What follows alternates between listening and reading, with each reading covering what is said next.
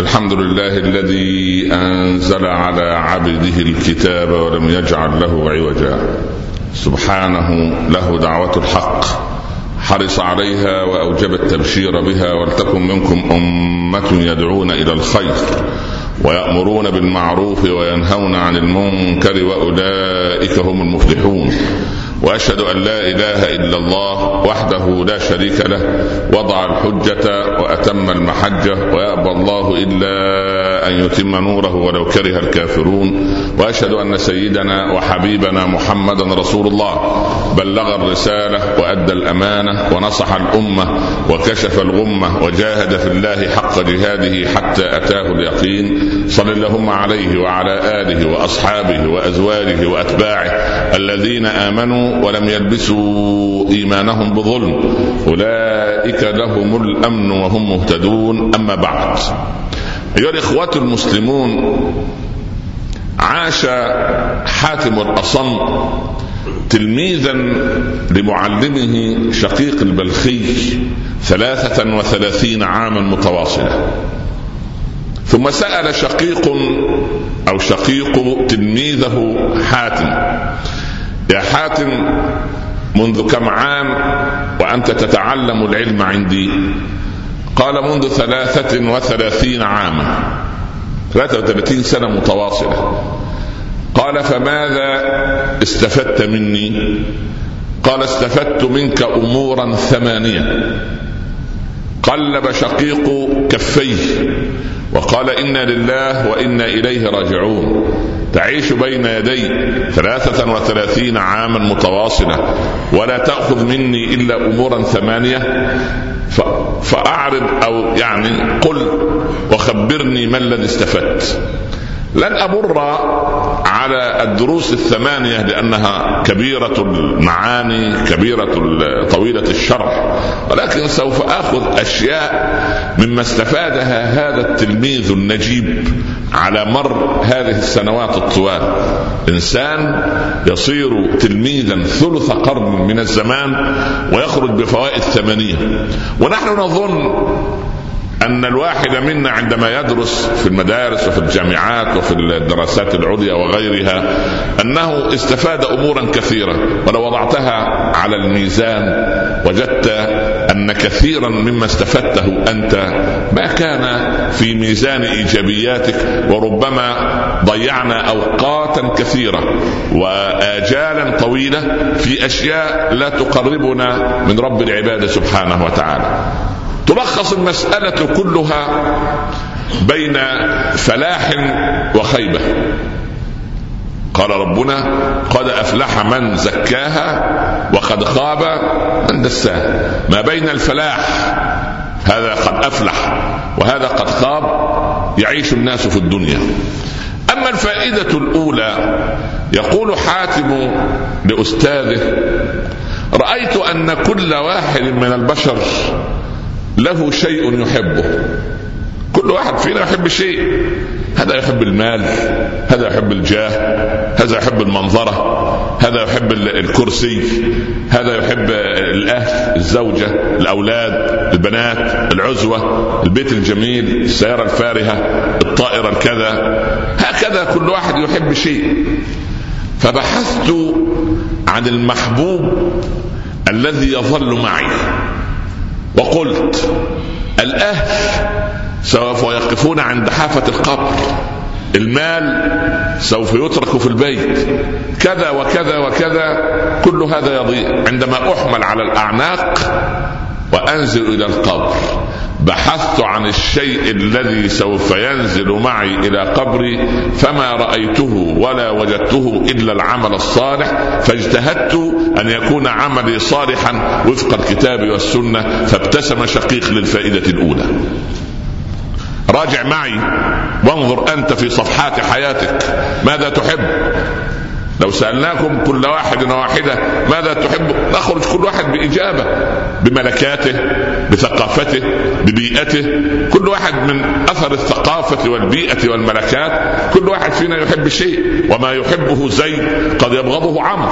وما يميل إليه أحمد لا يحبه حسن. هكذا الناس تتفاضل وتتفاوت ومن اياته اختلاف ألسنتكم وألوانكم ليس باللسان اللغات فقط وليس بالألوان الأبيض والأسود فقط وإنما الملكات الأهواء الفكر الآراء ولكن يجب أن يجمع الكل على كلام حاتم أن الوحيد الذي سوف يدخل معي قبري إنما هو العمل الصالح حتى إذا تركنا اهلنا دخل إذا كان العبد صالحا.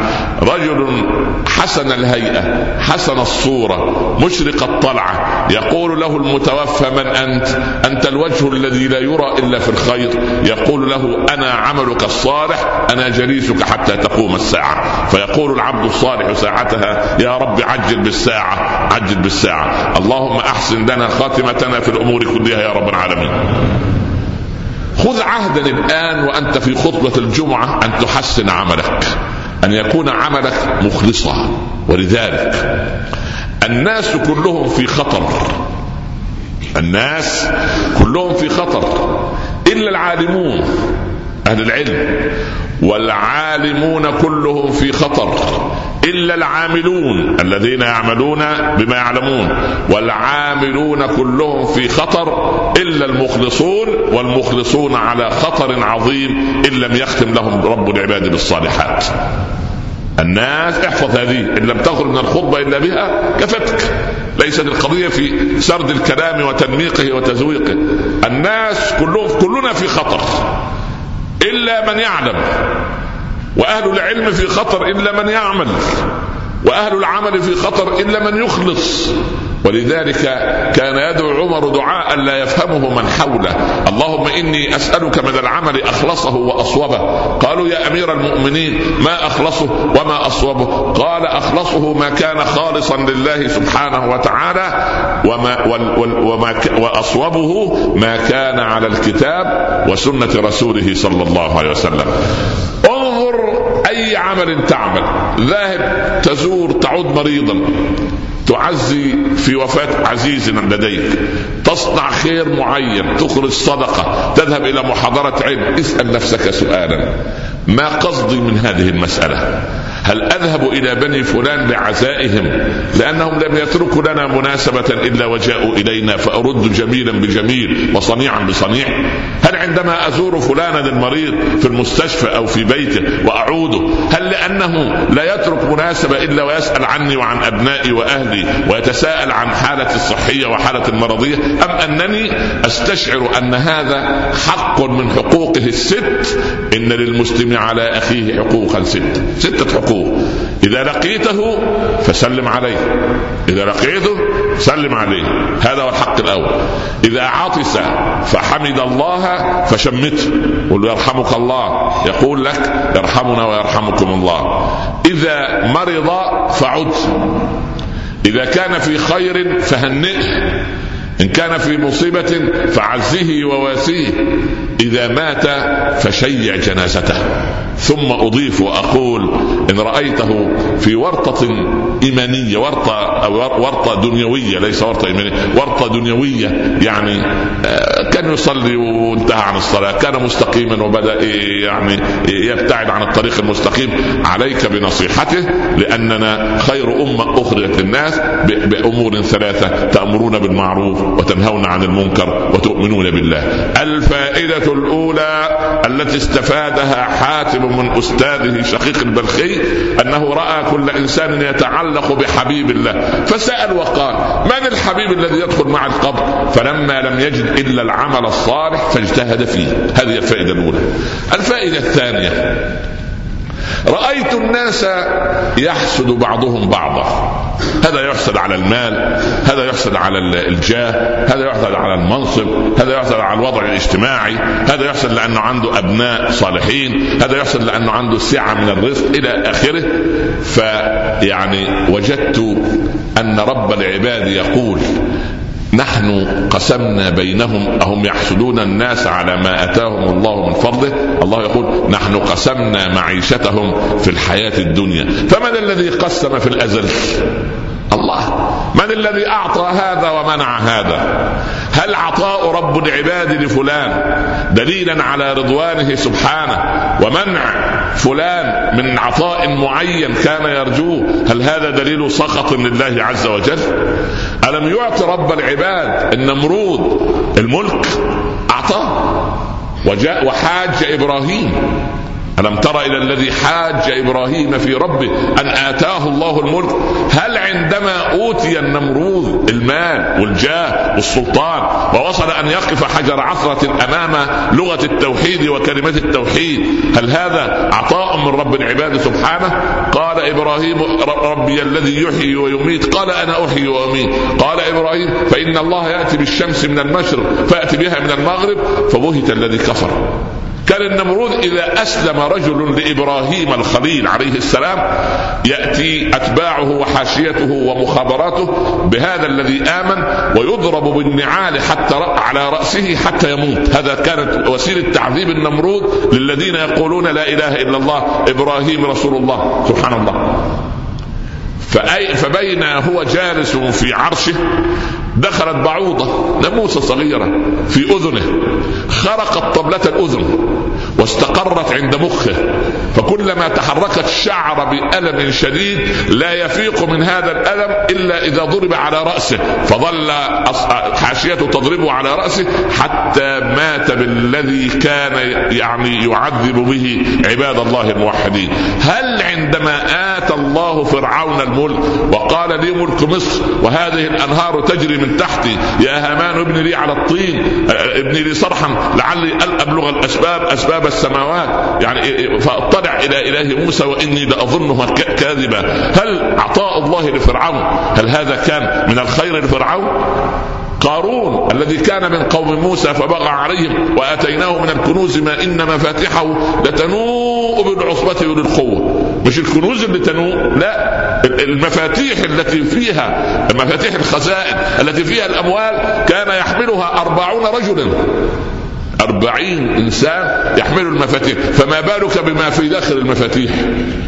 وقال إنما أوتيته على علم عندي. وقال الذين يريدون الحياة الدنيا يا ليت لنا مثل ما أوتي قارون. كما يقول بعض الجهال الآن الذين لم يعمر الإيمان قلوبهم قط يا ليت لنا مثل فلان وفلان. قل اللهم ارزقني اللهم ارزقني رزقا حلالا حسنا يا رب العالمين. هكذا العبد يدعو رب العباد. أهم يحسدون الناس على ما آتاهم الله من فضله. عبد الله إن حسدت احدا فأنت تعترض على قسمة الله في الأزل. الله سبحانه متفضل عادل. متفضل إذا أعطاك فله الفضل والمنة. عادل إذا منعك لأنه يمنعك من شر سوف يحيق بك. نحن بعض الناس لم كلنا إن لم يرحمنا ربنا إلا من يعني من عافاه ربي سبحانه وتعالى. أن فينا صفات النمرودية. التمرد. إذا أعطي الإنسان أصبح شحيحا. هكذا الإنسان يعني خلق الإنسان هلوعا. إذا مسه الشر جزوعا وإذا مسه الخير منوعا. إلا المصلين إلا الذين يصلون صلاة حقيقية لله عز وجل. فأنت كيف تعترض على قسمة الله في الأزل؟ هل أن الله لما أعطى أبا لهب وأبا جهل وعقبة وعلى مر التاريخ كله هؤلاء لما أعطاهم رب العباد هل هذا رضوان من رب العباد؟ هل لما منع بلال وعمار وابن أم مكتوم وسبحان الله فقراء الصحابة وأبو هريرة وأهل الصفة السبعين الذين لو أقسم الله قال فيهم صلى الله عليه وسلم رب أشعث أغبر ذو طمرين لا يؤبه لا يؤبه له يعني لا أحد يهتم به. لو قرع باب أحدكم في فلس أو فلسين أو درهم أو درهمين لم يعطها له ولو قرع باب الله ويسأله الجنة لأعطاها له رب العباد عز وجل. في أناس بهذا المنطق سبحان هل منع رب العباد ابن أم مكتوم هذا الذي عاتب فيه حبيبه صلى الله عليه وسلم وقال له عبس وتولى أن جاءه الأعمى. فكان كلما تقدم وجاء ابن أم مكتوم إلى مجلس النبي صلى الله عليه وسلم كان لا يقوم لأحد ابدا إلا لعبد الله ويقول أهلا بمن عاتبني فيه ربي. هذه هذه يعني اذا القضية ليست يعني ليست بدرجات ما أعطيت ولكن بدرجات ما تعطي أنت. أهم يحسدون الناس على ما آتاهم الله من فضله. ألا يقول لمن بات لي حاسدا. هكذا يلخص إمامنا الشافعي المسألة. هذا عالم من علماء القلوب. ليس فقيها فحسب وليس أصوليا فحسب ولكن كان عابدا من آل البيت رضي الله عنه. يقول الشافعي ألا قل لمن بات لي حاسدا. أتدري على من أسأت الأدب؟ أسأت على الله في صنعه. لأنك لم ترض لي ما وهب. فزادك فجازاك ربي بأن زادني وسد في وجهك باب الطلب. أيها الحاسد إذا حسدت إنسانا هل سوف تأخذ ما عنده من خير؟ كلا. عبد الله رزقك لن يأتي إليك. ورزقي لا تأخذه أنت. الله عز وجل قسم معيشتنا في هذه الحياة من عنده. قال نحن قسمنا بلفظ العظمة. فمن الذي قسم؟ من الذي كتب؟ من الذي وضع؟ من الذي حدد الأرزاق؟ أنت في الدنيا إنما تأخذ رزقك الذي كتب لك لكن عليك أن تسعى وعليك أن تطرق الأبواب وعليك أن لا تطلق الدنيا فتزوجها الآخرون ولكن تزوجها زواجا حلالا يؤتيك الله فيها مالا حلالا. ولا تظن أن إكثار المال أو قلة المال دليل على رضوان الله أو سخط الله. فيقول حاتب لأستاذه شقيق فرأيت الناس يحسد بعضهم بعضا. فرأيت أن الله سبحانه وتعالى هو الذي قسم في الأجل في الأزل. نحن قسمنا بينهم معيشتهم في الحياة الدنيا. الله عز وجل هو الذي أعلم حيث يجعل رسالته ويجعل فضله ويجعل خيره. اللهم ارزقنا من الحلال وبارك لنا فيه وإن كان قليلا وبغضنا إلى الحرام وأبعدنا عنه يا رب العالمين. في الدنيا كسبا وفي الآخرة جزاء. أنت ولي ذلك والقادر عليه أقول قولي هذا وأستغفر الله لي ولكم. احمد الله رب العالمين وأصلي وأسلم على سيدنا رسول الله صلى الله عليه وسلم أما بعد. قال شقيق البلخي لتلميذه النجيب حاتم ويا فرحة شقيق بتلميذ كمثل هذا. يعني لما يجد عنده تلميذ نجيب بهذا يفرح يشعر أن العلم آتى ثماره. ولا يجد أن الذي يتعلم منه يفتح فمه ويسد أذنيه. لا. نحن نريد أن تغلق فمك وتفتح اذنيك تفتح قلبك. تفتح لنا مسامع قلبك. هنا يؤتي العلم ثماره. يا حاتم هات الثالثة. الفائدة الثالثة. قال حاتم رأيت الناس يعادي بعضهم بعضا ويبغض بعضهم بعضا. فنظرت في كتاب الله. انظر إلى حاتم منهجه كتاب الله سبحانه وتعالى. فرأيت من الذي يجب أن أعاديه؟ فما وجدت إلا عدوا واحدا. أمرني رب العباد أن أعاديه. قال لي ربي إن الشيطان لكم عدو فاتخذوه عدوا. عندئذ اتخذت الشيطان عدوا لي. اذا لا العدو لا زوجته ولا أولاده ولا مديره في العمل ولا الموظف الذي عنده ولا الوزير ولا المسؤول ولا الجار ولا الناس ولا كذا ولا كذا إنما عدوك الأساسي هو الشيطان ومن يسيرك في طريق الشيطان. يعني ليس الشيطان سواء شيطان الإنس أو شيطان الجن. هذا هو الشيطان الذي تعاديه. فإن عاديت الشيطان لا تعاديه كلاما لا تعاديه ألفاظا. تقول أعوذ بالله من الشيطان الرجيم هذا شيء حسن. لكن أعمالك يجب أن تنطبق مع هذه الاستعاذة. هل يجوز لك أن تفتح شاشة التلفزيون فترى من نسيت أن تلبس ثيابها ثم تقول في نفسك أعوذ بالله من الشيطان الرجيم. لا أعوذ بالله منك يا من ترى. لأنك من الواجب أن لا يعني كما قال الشافعي من واجب الناس أن يتوبوا لكن ترك الذنوب أوجب. من واجب الناس أن يتوبوا. يتوبوا عندما إيه؟ عندما يذنبون. لكن ترك الذنوب اوجب الاسلام عنده مبدأ الوقاية خير من العلاج ولا تتبع خطوات الشيطان. فأنت لا تستوي كلمة أعوذ بالله من الشيطان الرجيم مع ما ترى وما تصنع. عبد الله اتق الله رب العالمين واعلم أنك عبد له واعلم أن هذه الدنيا إنما هي ساعة. حولها إلى طاعة. وخذ هذه الفوائد حتى تستفيد منها ولأن الكلام يطول شرحه ووقت الخطبة قصير. نكمل حديثنا بعد الصلاة إن شاء الله. اللهم اجعل لنا أول يومنا هذا صلاحا.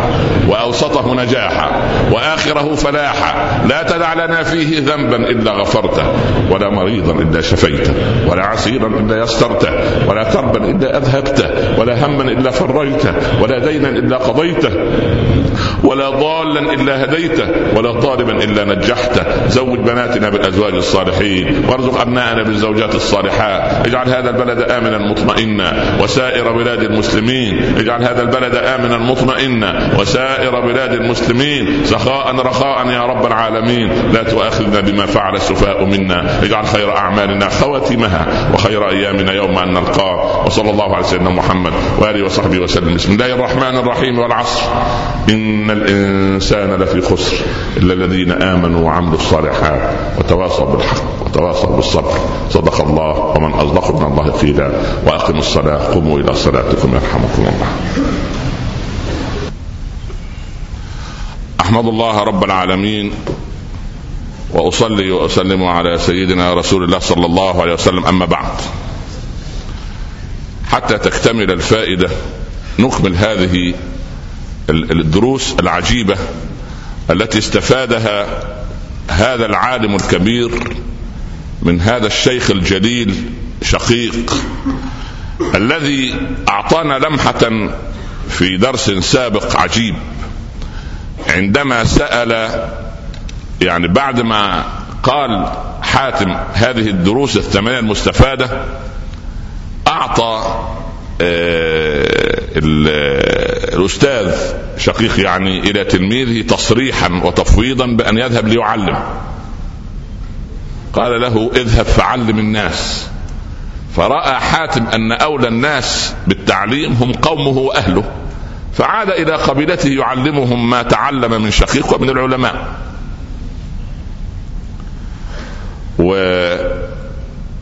وحاتم سبحان الله العظيم يعود إلى شقيق بعد سنة. ويقول له كيف تركت الناس يا حاتم؟ العلماء دائما يسألوا عن أحوال الناس وأحوال الناحية الدينية عندهم أحوال يرى ولا ينفصل عن الناس أبدا. قال حاتم يا شيخ بفضل الله جئت من عند قوم قبيلته يعني. إذا أعطوا شكروا وإذا منعوا صبروا. فسمعت بهذا الكلام من قبل لكن في الإعادة إفادة فتبسم شقيق البلخي وقال إذا أعطيتم شكرتم وإذا ابتليتم صبرتم قال بلى نعم. قال هكذا تصدع عندنا كلاب بلخ.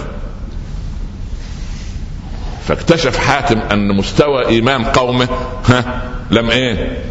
لم يرتقي بعد. فضحك حاتم مع شيخه وقال هذا حال كلابكم فما حال أصحاب الكلاب؟ يعني الكلاب أعزك الله لما تعطيها الطعام تعمل إيه؟ تهز ذيولها طب منعتها؟ ما تمشي. قال نحن قوم إذا أعطينا صبرنا وإذا منعنا شكرنا. وده كلام قد يقول بعض الناس لا يصلح في 1430 هجرية 2009 ميلادية لكن أنا أقول أن هذا الكلام يصلح في كل وقت وإذا تركنا هذا الكلام لن يصلح لنا دين في أي وقت. نحن قوم إذا أعطينا صبرنا نصبر على العطاء. الصبر على العطاء يقتضي منك ألا تستخدم العطاء إلا في خدمة المعطي وشكره ولا تستخدم العطاء في إغضاب المعطي. هذا أمر. الأمر الثاني أن إذا منعنا شكرنا لأن المنع من الله إحسان وإن العطاء من المخلوق حرمان. المخلوق يعطيك يأخذ منك. إذا أعطاك مال يأخذ منك عزتك. أعطاك خدمة عايز مقابل. أعطاك أي شيء ينتظر أن أن تشكره على الأقل. يعني قد يريق ماء وجهك. لكن المنع من الله إحسان. فلقد منعت أم الكريم من أن تحتضن وليدها وكانت إيش ضمن لها انها يعني يعود إليها وليدها مرة أخرى؟ اقذفيه في التابوت فاقذفيه في اليم يلقه اليم بالساحل يأخذه عدو لي وعدو له. يعني كلها مهالك. قذف في تابوت صندوق مغلق قذف في في, في, في ماء. وبعدين يذهب إلى شط السلامة لا يذهب إلى عدو لي وعدو له. ولكن لما أيقنت واستسلمت يبقى منعها إن منعها من ولدها عطاء أم حرمان؟ بمنطق 2009 ها؟ حرمان ما تخليك معايا. يعني صعب في من؟ حرمان. الله. واحد أخذ منك ولدك. ها؟ ده اعطاك واحد أخذ منك مالك هذا عطاء. لكن الذين فقهوا بعين البصيرة ترجموا الأحداث بشيء آخر. فاذا إن احفظ هذه إن العطاء من المخلوق ها حرمان. وإن المنع من الله إحسان. فحاتم قال لشيخه رأيت الناس يحب بعضهم أشياء معينة كل واحد يحب شيء. فهو ترجم الأحداث. وقال أنا إيه الحبيب اللي أقضي حياتي في حبه؟ وينزل معي إلى حفل القبر. لأن أنت عندما تخرج روحك. ها؟ الكلام هنا صعب. هي تخرج ولا مش هتخرج؟ يوما ما اسأل واحد حتى لا يصلي اسأل واحد كافر. ها؟ اسأل ملحد. هتخرج؟ يقول لك تخرج أول ما تخرج أول شيء إيه؟ الزوجة تعمل إيه؟ تؤمن الخزانات وتاخذ المفاتيح في جيبها. أول شيء تأمين الايه المنطقة صح؟ العقود والاشياء الأراضي سبحان الله ابنك الكبير يغلق الشركات ويطمئن والأرقام السرية يغيرها. وانتهى الموضوع على كده. يبقى أين مالك؟ خلاص. حفظ عليه. تحفظ. مش في ناس بيقول لك تحفظوا على أمواله. لا ده اهله اللي تحفظوا مش قرار محكمه ولا نيابة ولا محكمة التمييز ولا النقض ولا إبرام ولا استئناف ولا محكمة درجة أولى ولا درجة. ابدا. هو اللي, اللي, اللي تحفظ على أموالك من كنت تظن أنهم أحباء ومن كنت تظن أنك قضيت حياتك من أجلهم. أول شيء تحفظ على مالك. وبعدين لم يصبح لك اسم يعني إيه؟ يعني يقول لك في بلاد تقول لك هتعبر عن الجنازات. هم وصلوا الأمانة. هو الله يرحمه دفنوه. صح ولا لا؟ لكن هل يقول هو دفنوا معالي الوزير؟ عمره ما معالي الوزير مين؟ خلاص. ولا معالي الوزير ولا معالي غفير. ما خلصت يعني ضاع الاسم. ضاع الاسم. الله يرضى عن ابن عباس. رأى عمر في الرؤيا. قال له ماذا صنع الله بك يا أمير المؤمنين؟ فرصة. حبيب عمر رضي الله عنه. قال يا ابن عباس طاحت تلك الإشارات وضاعت تلك العبارات. القب مين يا رجل؟ والله لقد كاد عرشي أن يهد لولا أني وجدته غفورا رحيما. ده عمر. أنا كان عرشي يضيع سبحان الله. يعني ال ال ال التلميذ الشافعي الوراق رضوان الله عن تلامذة العلم النابهين أصلا عندما أتعب من الناس ومن أسئلتهم ومن فتاواهم العجيبة والغريبة والمريبة والغير لبيبة أروح للعلماء الكبار أقرأ عنهم وينشرح صدري بالمعيشة معهم. المهم لكن ينشرح صدري معكم إن شاء الله بإذن الله إن شاء الله رب العالمين.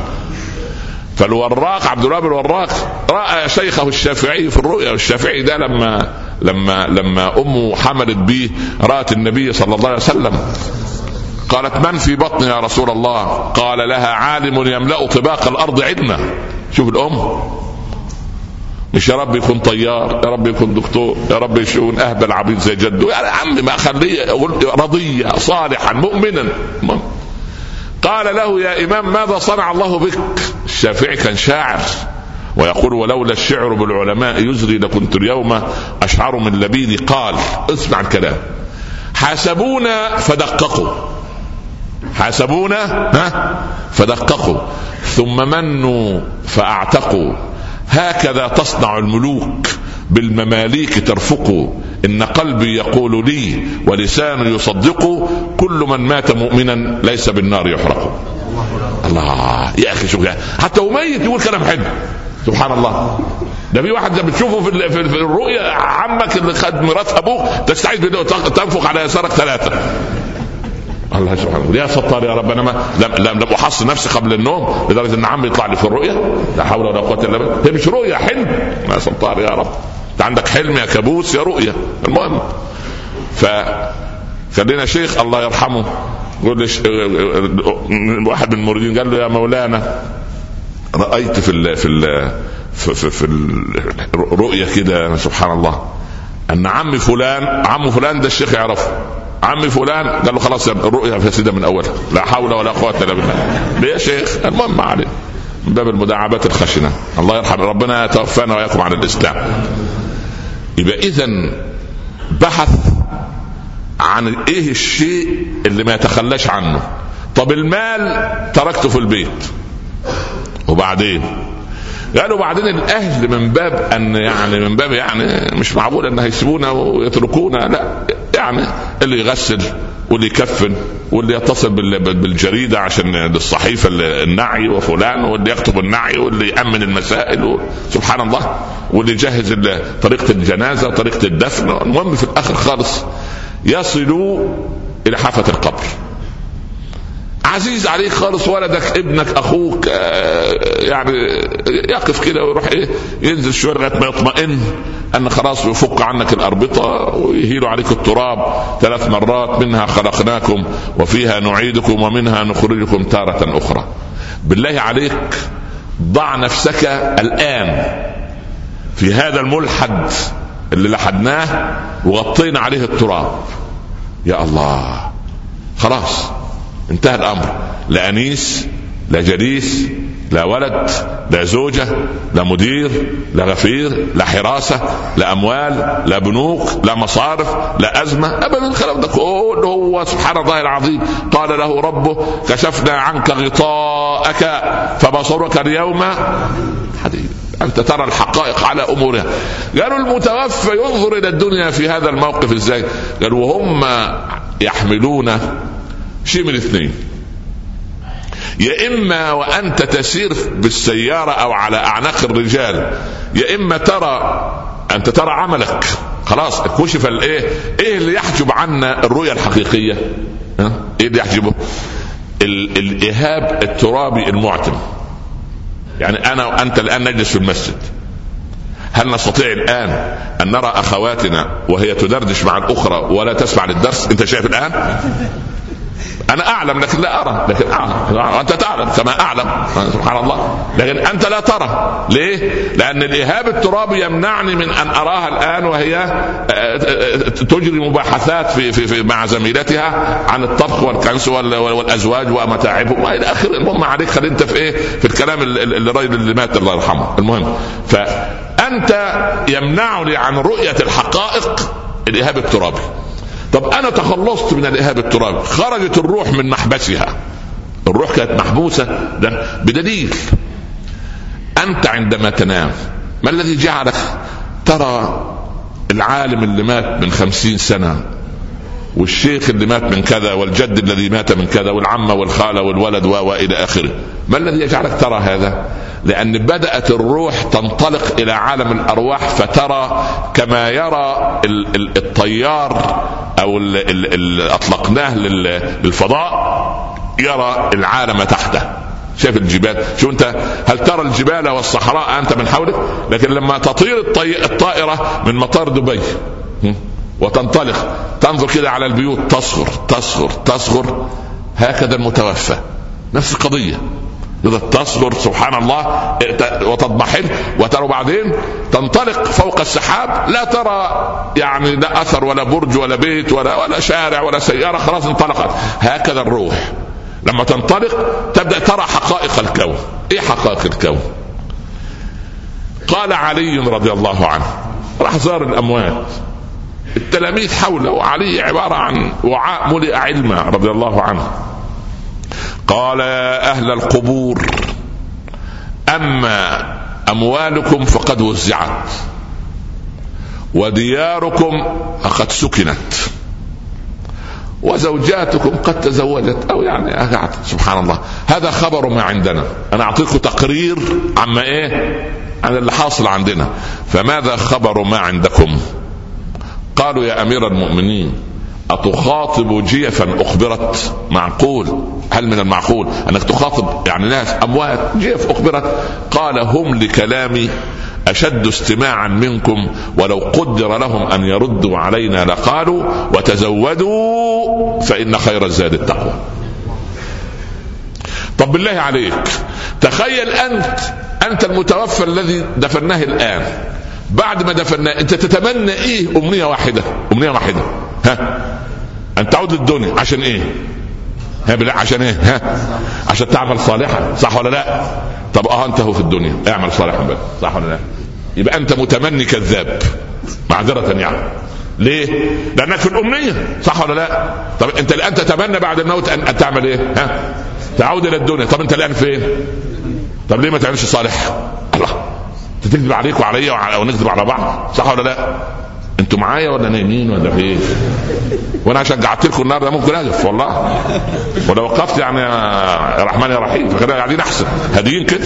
الواحد لما يقف يشعر إنه متوتر أو ما عايز يهجم على اللي قدام داخلين في معركة إحنا ولا فين؟ حاجة أنتم أحبة سبحان الله. والحبيب دائما لما لما تدخل على ولدين ولدك وولد الجيران. ولدهم بيشوفوا منظر سيء أو في يدهم سيجارة. تمسك مين الأول؟ تدخل فيه شمال. ابنك ليه؟ امال ليه أنا داخل فيكم شمال؟ هذا القياس يعني. ما علينا. فاذا مسألة أن أنت في الأمنية. حاتم نفسه الاصم قال عرضت على نفسي الدنيا ومباهجها والآخرة وما فيها. ورأيت أمامي عالم البرزخ. فسألت أي شيء تتمنين أنت عايزة إيه؟ لو دخلت في عالم البرزخ الآن أنت عايزة إيه؟ قالت ساعة أعمل فيها صالحا قال لها أنت في الأمنية فاعملي. وكان سري الدين السقطي الله رضي الله عنه كان عامل في بيته قبر. جوه كده. أول ما الدنيا تهجم عليه يروح ينام في القبر كأنه ميت. وده أنا حاسب نفسي. أنا عملت إيه خير؟ عملت إيه شر؟ ويسأل نفسه بقى. يقول إيه؟ يعني ثم يدعو. ربي ارجعوني لعلي أعمل صالحا فيما تركت. يقوم يعود إلى استئناف الإيه؟ العمل الصالح. فيقول في مرة يا سهل يا سري يا سري تذكر يوم أن تقول رب ارجعوني لعلي أعمل صالحا فيما تركت. فيقال لك كلا. كلا. قال ربنا إنها كلمة ها هو قائلها ومن ورائهم ها برزخ ها إلى يوم يبعثون. شوف كلام الله سبحانه وتعالى. بس إحنا بنذكر وأنتم أهل أهل علم وأهل فضل وأهل استقامة ولا نزكيكم على الله عز وجل. فهو حاتم الله يرضى عليه أصلا مش هقول لك بقيه الفوائد لأن بقيه الفوائد كبيرة. إن كنا من أهل الدنيا نلتقي بها في في في جمعة أخرى. كان أنا بأكد على ما قلت في على المنبر. يبقى اذا الناس يحب بعضهم كل كل واحد يحب شيء. أنا لقيت إن اللي يدخل معاه القبر الإيه؟ العمل الصالح فاجتهدت فيه. طيب. رأى الناس يحسد بعضهم بعض. حسد. وأكثر من يحسدك قريبك ابن عمك. زميلك في العمل ال ال ال الأتراب يعني إيه الأتراب؟ يعني مش ممكن في مثلا إذا وجدت تاجر التاجر مش يحسد الطبيب إنما يحسد إيه؟ تاجرا مثله صح ولا لا؟ والطبيب يحسد إيه؟ آه طبيعي يقول لك الله أنا في المستشفى بتاعه ولا العياده يجي لي ثلاثة في اليوم هو يجي له 50 الله يسامحه يعني بهذا المنطق تمام والمهندس يحسد المهندس والزوجة ها تحصل الضرة صح ولا لا؟ ولا المهم ما علينا فالمهم خليك انت في الطبيب أحسن فالمهم سبحان الله العظيم هذا الحسد قائم على ماذا؟ أنا لما أحسد أول شيء والعياذ بالله خلي بالك كأن الحاسد يقول بلسان حاله يا رب أنت ما أحسنت القسمة هي كده هي كده ليه؟ ويا رب فلان هذا الغبي يأخذ. وأنا أبو العبقرية. ده أنا أينشتاين وأنا أنا فلان وأنا فلان. ابدا يا أخي والله. ولو كانت الأرزاق تجري على ذي الحجة اذا لهلكنا من جهلهن البهائم. صح ولا لا؟ لو الأرزاق بتجري على أصحاب العقول البهائم تأكل منين؟ يبقى بالعقل ولا بالرزق؟ بالرزق يا أخي. بالرزق. مش بالعقل. لا بدليل. لو كان بعقلك وكسبك وعملك وذكائك وإجازتك العلمية وأنت في بطن أمك تسعة أشهر من أطعمك؟ ها؟ علمك؟ ها؟ ثقافتك؟ ها؟ موسوعاتك العلمية؟ آه مالك؟ أهل أبدا إنما أطعمك رب العباد أنت خلي بالك كنت جنينا في رحم الأم وكنت ترزق. الآن الحسود والغير واثق من رزق الله ما زال جنينا في رحم الطبع. مفهومة دي ولا مش مفهومة؟ مفهومة. أهل العلم أنا بكلم علماء وأنا بكلم ناس عاديين. وأنا ينفع أقول الكلام ده في مكان آخر؟ ما ينفع. فأنت ما زلت جنينا في رحم طبعك. فأخرج نفسك. ولا داعي لأن تصل الحبل السري بإيه؟ بمادة الطبع. لا. صل حبلك السري بمادة الشرع. عندئذ يأتيك فضل الله ويأتيك علم الله وترزق فهما على فهم وثقة على ثقة. ما توحدوا الله. لا إله إلا الله. اذا أنت لماذا تحسد؟ أول ما تحسد هتقول ربنا يعطيه الله يبارك فيه ربنا يعمل له الخير. الله يرزقه من فضله. أم يحسدون الناس على ما أتاهم الله من فضله؟ يعني للرجال نصيب مما اكتسبوا وللنساء نصيب مما اكتسبوا ثم قال ربنا إيه؟ وأسألوا الله إيه؟ من فضله. من فضله. يعني إيه؟ يعني الله عنده كل شيء. فاسأل الله رب العباد. ورب العباد إذا أعطاك. يعني لا يسأل كم أعطاك ولا يسأل أنت من يا من أعطيك؟ ابدا رب العباد سيعطي خلاص؟ طيب. هذه المسألة الإيه؟ الثانية. حاتم الأصم ده كان مره في عمرة. فقالوا يا أمير المؤمنين الحق حاتم الأصم بيطوف. قال جميل. مره أقابله. أيام ما كان العلماء بيحترموا. فالمهم. فدخل اقترب من حاتم. حاتم تأخر صلى ركعتين في المقام فأمير المؤمنين أبو جعفر دخل عليه. سلام عليك قبل رأس حاتم. قال سلني يا حاتم حاجتك. أي طلب؟ لو واحد منكم كده ولا والحاج جاي جنبه كده. أي طريق الله الله يرضى عليك. كنت فين؟ أنا أحاول أقابل معاليك من ثلاث سنين من سبع سنين من ساعة ما ولدت. سبحان الله العظيم. خلي بالك الثاني حاتم قال له أنا أستحي من الله أن أطلب شيئا من غيره وأنا في بيته. عيب. ده أنا هنا عند الكريم أنا هنا في بيت الكريم أسأل من غيره. معقول؟ أمير المؤمنين انتظر. قال يخرج خارج الحرم من باب الأدب والسلام تبعه أبو جعفر؟ قال يا حاتم سلني حاجتك. قال والله ما زال حيائي أن أسأله وأنا في بلده. ده البلد الحرام. عيب ظل أمير المؤمنين يتابعه حتى خرج من حدود مكة.